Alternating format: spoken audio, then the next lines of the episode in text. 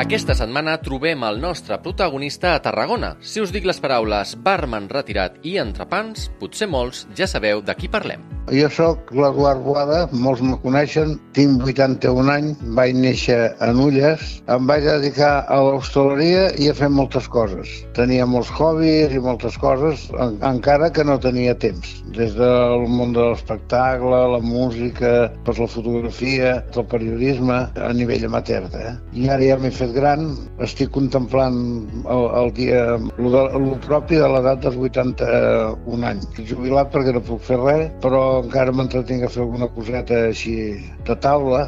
Eduard Boada, conegut a Tarragona pels seus famosos entrepans perquè els feia diferents a la seva manera. El meu era fer els entrepans, algo diferents, sempre utilitzant coses molt senzilles, com eren la llengonissa, els rovellons, les baldanes, és dir, aquella cunya casolana transformada una miqueta per donar-li alegria. És dir, si una baldana te la menja sola, és prou bona. Però si més hi poses quatre rovellons, encara és més bona. Si més a més hi poses quatre fasolets, encara és més bona. Sempre anant fent una miqueta d'afegit als bocadillos, van arribar a tindre bastanta fama entre els estudiants, entre els militars quan hi havia, i així va ser ha anat transcorrent la meva vida. Entrepans suculents per i estudiants és el llegat de Boada a la ciutat de Tarragona. Però remuntem-nos a la seva infància. Vull saber quines eren les seves inquietuds i què volia ser de petit. Bueno, quan un és petit canvia molt. Jo me'n recordo que anava a veure els, les màquines de tren a l'estació quan passaven, perquè em ve agradat allò, la primera, la primera joventut, quan veies aquelles màquines de... Diu, si, si jo pogués ser maquinista, la primera infància. Després m'ha agradat dedicar molt al periodisme. Un dels millors amics que vaig tindre era periodista i dels bons, i em va contagiar una miqueta allò, aquella afició de poder explicar coses. Un, un periodisme una mica ingenu, ara es fa més agressiu.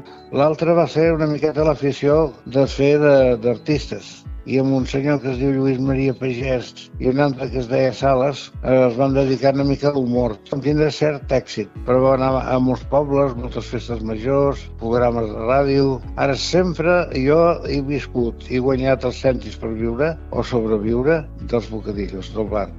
Maquinista, periodista, humorista, en Boada ha estat tota la seva vida un cul inquiet i ha provat diversos pals i aficions que el motivaven. Però, com bé reconeix, els bocadillos, com ell diu, són el que mai millor dit l'han donat de menjar.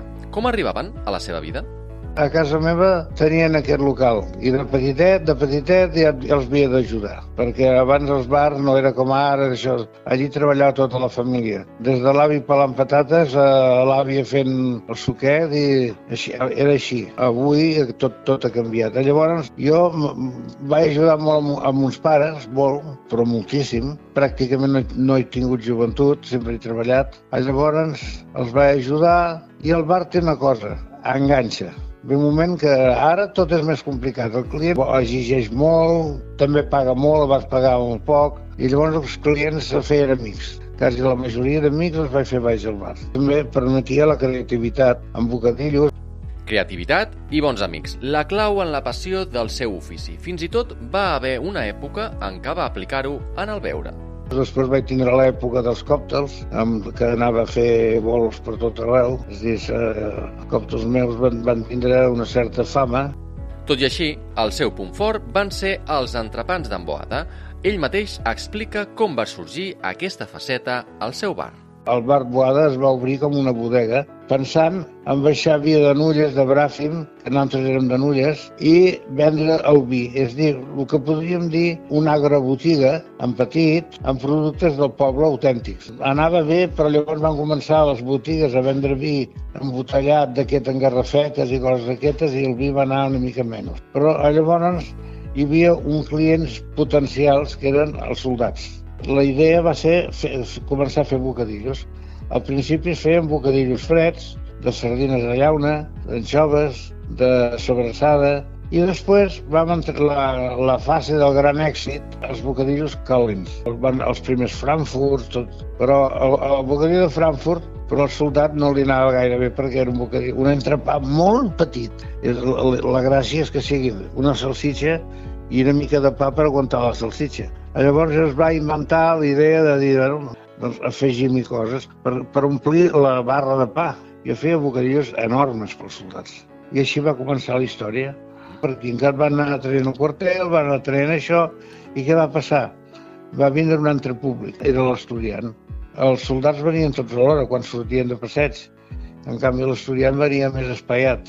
Fer molts amics, dels estudiants, molts amics, i molts se van dedicar a la política, molts se van dedicar a la medicina. Alimentar a soldats i estudiants, amb entrepans creatius i amb ingredients diversos per omplir bé la barra de pa. Així va sorgir el boom del negoci del nostre protagonista, qui posteriorment va continuar amb la resta de públics i clients que li demanaven entrepans de tota mena. Plats combinats fets entrepà.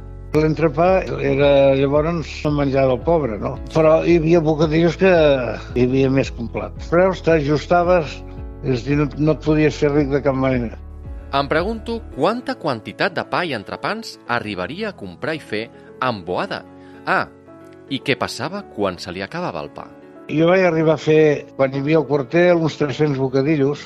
Ara, últimament, com que jo ja estava bastant tocat, estava molt fumut de l'esquena ara, ja vaig anar reduint. Vaig marcar un objectiu de, bueno, quan ja n'he fet 50, ja n'hi ha prou. No, l'equip era jo, jo i jo. Quan me quedava sense pa, hi havia dues solucions. Si eren estudiants, se'l anaven a buscar ells. Si jo tenia ganes de treballar, trucava al forner que el tenia aquí al costat i quin deuria ser l'entrepà estrella d'Amboada? El de llangonissa, rovellons, aquest que li he dit.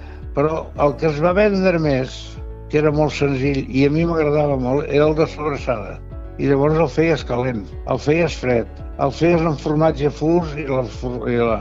Aquest va tindre molt d'èxit i era molt barat. Malauradament, l'edat i un mal d'esquena van apartar el nostre protagonista de la seva activitat i així ho recorda.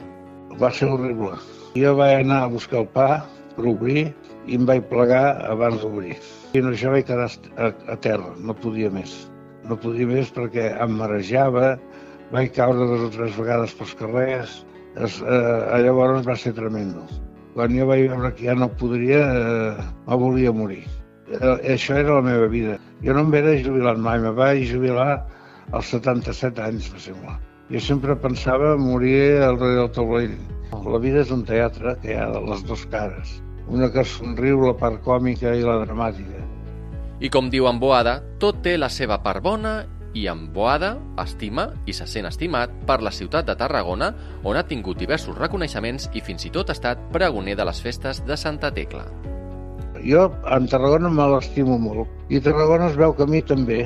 Tots els alcaldes que hi ha hagut, democràtics, tots m'han donat alguna de prèmits. Ricomà, m'ha proposat per la medalla del treball que me l'han concedit de la Generalitat. I actualment, per sentir-se útil, en Boada agraeix poder dedicar temps a explicar històries amb una secció al Diari de Tarragona. És que jo moria, no, no feia res. I m'ha dit que s'entretingui a fer una cosa d'abans. Les converses de Casa Boada, històries de Casa Boada, i això es va començar de broma, em sembla que fa 3 anys i pico que es fa, o 4. Com una obra de caritat, saps? Perquè, perquè m'entretingués. Jo li estic molt agraït. Eduard Boada, un conegut tarragoní per, entre altres, els seus suculents entrepans i les bones estones com les que hem passat amb aquesta conversa per conèixer millor la seva història com a protagonista aquesta setmana del podcast de veïns de Carrer Major.